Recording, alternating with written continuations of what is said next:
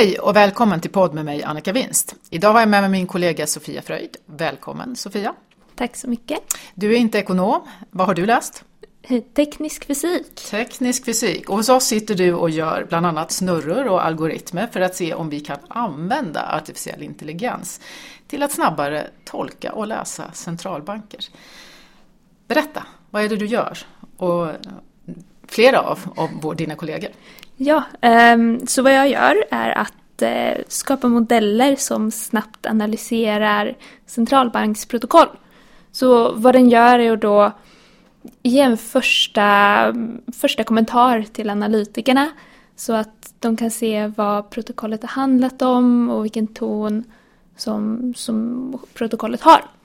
Det vill säga, det är väldigt viktigt. Eh, jag som sitter som, som analytiker och har varit med länge, tidigare har ju vi gjort så att vi delar upp det. Så säg att protokollet är på eh, 15-20 sidor, då får jag de fem första, eh, Tober de nästa fem och så någon annan de sista. Och sen snabbt läser man det och sätter ihop det för att få en, en snabb kommentar till marknaden som är viktigt för dem. Och, sen får man då sätta sig och göra djupanalysen. Nu kan man istället väldigt snabbt det tar bara någon minut, eller hur? Så kan man, få, kan man få svaret. Och sen kan vi då som sitter som eh, analytiker istället engagera oss i det djupa omgående. Så det är ju väldigt effektivisering.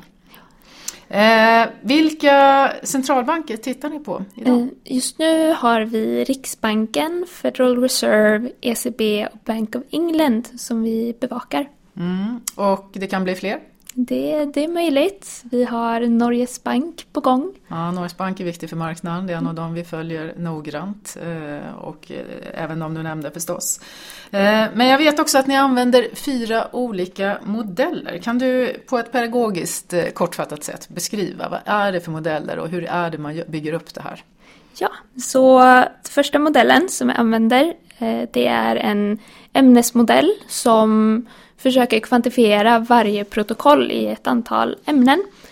Och den, eh, det är en oövervakad inlärning så vi berättar inte för modellen vilka ämnen som finns utan vi, vi sätter att vi tror att det finns så här många ämnen i protokollen och så hittar algoritmen dem. Ämnen som vi är intresserade av. Precis. Eh, och sen då får vi ut liksom listor med ord som vi får försöka tolka och sätta en titel på det ämnet.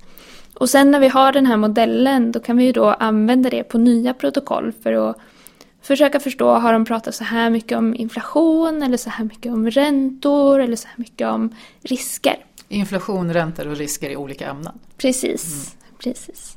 Och andra modellen som vi har det är våran sentiment score. Och den har vi byggt upp med två listor med ord som vi har tolkat som antingen hökaktiga eller duvaktiga. Och så går eh, koden in på protokollet, räknar alla dessa ord och lägger in dem till en poäng. Så den kan gå från minus 1 till plus 1 där högre värden tolkas som mer hökaktiga protokoll. Och vad är ett hökaktigt ord då? Eh, höja, eh, mm. växa starkare, Lite så. Ja, och sänka då är motsatsen till Precis. det hela. Eh, Hur många sådana ord har ni?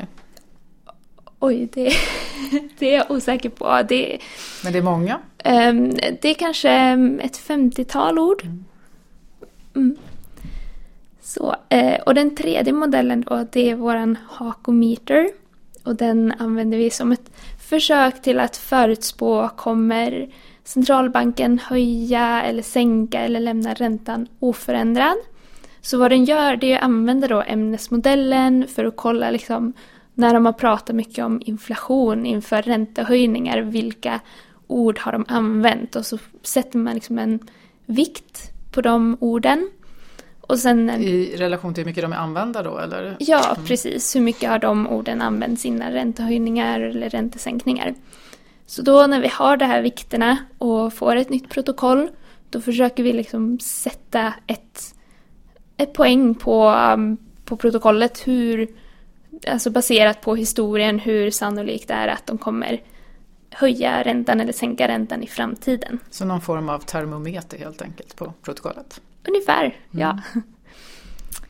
Och sista modellen som vi har det är ungefär ett osäkerhetsindex. Och den eh, bygger på ungefär att mäta avstånden mellan protokoll.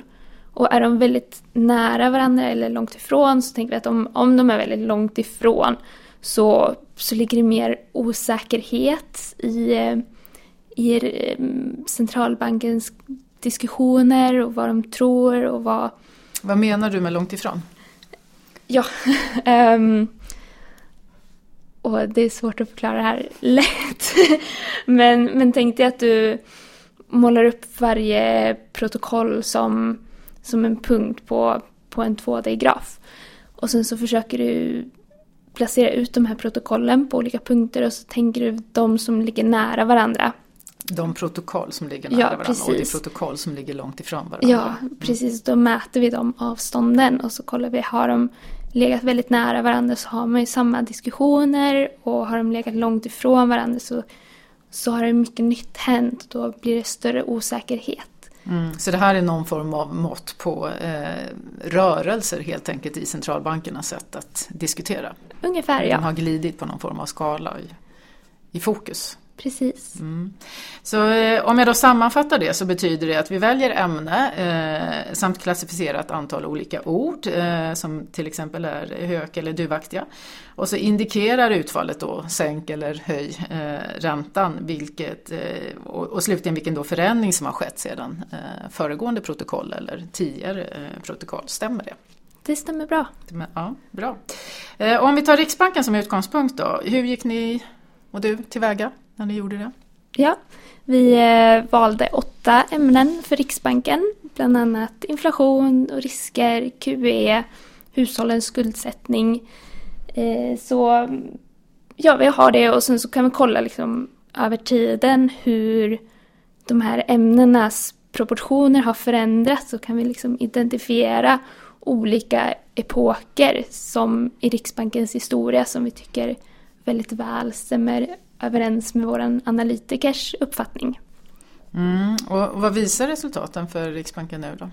Eh, de har mycket fokus på inflation och mer fokus på räntor ehm, och fortsatt fokus på QE. Eh, betyder det höj eller sänk? Ja, eh, vårt sentimentscore den har hela 2019 varit väldigt låg. Ehm, så, och generellt, och vad, vad, betyder låg i det här ja, sammanhanget? Väldigt, eh, väldigt duvaktigt. Mm. Så um, samtidigt så pratar de om räntehöjningar men... Riksbanken säger höj i slutet av det här året. Precis. Men eh, sentimentpoängen... Är åt andra hållet. Ja. ja. Och hur länge har den varit det? Hela året. Mm. Um, och om man tar HQ-metern då? Den indikerar en oförändrad ränta. Mm. Och det är väl Nej. kanske det som ligger i, i mångas förväntningar och kanske också att Riksbanken är på väg att glida dit. Om man lyssnar åtminstone på några av dem som sitter i direktionen så känns det som att man har ett ben. Släpp det ena benet i alla fall i, i vågskålen, höj eh, räntan. Stämmer det då med, med analytiker och, och utfallet i de här eller är det stora skillnader? Det, det stämmer oftast väldigt bra överens med vår uppfattning, speciellt ämnena och sentimentpoängen ger en bild som är väldigt mycket i linje med vad vi tycker. Mm. Och är det skillnad mellan de olika centralbankerna? Um, är någon ja. bättre än någon annan eller lättare att göra en annan, man får bättre resultat alltså jämfört med utfallet? Oj, um, nej det man får ju olika ämnen för varje centralbank och de har ju alla olika förutsättningar. Så det beror väl lite på hur man ser det men det funkar väldigt bra på alla centralbanker tycker vi. Mm. Och eh, jag tycker ju det här är superspännande. Eh, man skulle kunna tänka sig att AI nu tar våra jobb och att det skulle vara utmanande men det här är ju bara roligt. Och det är inte bara jag som tycker att det är roligt och spännande eh, utan de centralbanker som vi granskar har också visat eh, intresse, eller hur? Ja. Du har pratat med flera av dem och eh, de har, de har sett det här. Det får man ju säga bara det är roligt att man internationellt uppmärksammar att, att vi gör det här. Men är vi ensamma? Finns det andra som har gjort det här? Eh, det finns ju andra som gör liknande grejer av det vi gör. Men vi är de som har gjort det på flest centralbanker. Liksom. Mm. Och på, även på Riksbanken så finns det någon annan som gör det? Eller? Inte vad jag vet. Nej. Så det är extra, extra eh, viktigt att, att, titta på dem. När du pratar med dem centralbanken vi granskar, då, vad är det för frågor de ställer? Är de relevanta eller hur tänker de? Det är oftast väldigt mycket nyfikenhet kring vad vi gör och vad vi får fram. Men också hur vi använder det här. Så det är ju det de är mest nyfikna på. Oroliga också för hur vi ska använda det eller? Eh, inte vad jag vet. Men... Nej, det är otroligt eh, spännande och jag måste ju säga att det är ju slående hur bra det faktiskt ändå har varit. När man tittar tillbaks i historien på det du har gjort så är ju majoriteten, nu kommer inte jag exakt ihåg hur många rätt man hade men procentuellt är det ju väldigt bra. De missar någon och när man missar dem, om jag inte missminner mig, så är det för att eh, det har hänt någonting. Man har, de orden finns liksom inte i, i tidigare protokoll, eller hur? Precis. Ja, tack. Eh, är det något som jag har missat att fråga om som du skulle vilja lägga till? Eh, det går att följa oss och våra grafer när vi publicerar dem. Eh, så gör vi det på Twitter och då är det Nordea Macro Lab. Mm. Och det gör ni förstås varje gång det kommer ett nytt protokoll från respektive centralbank. Precis. Och när kan man förvänta sig att Norges Bank dyker upp då?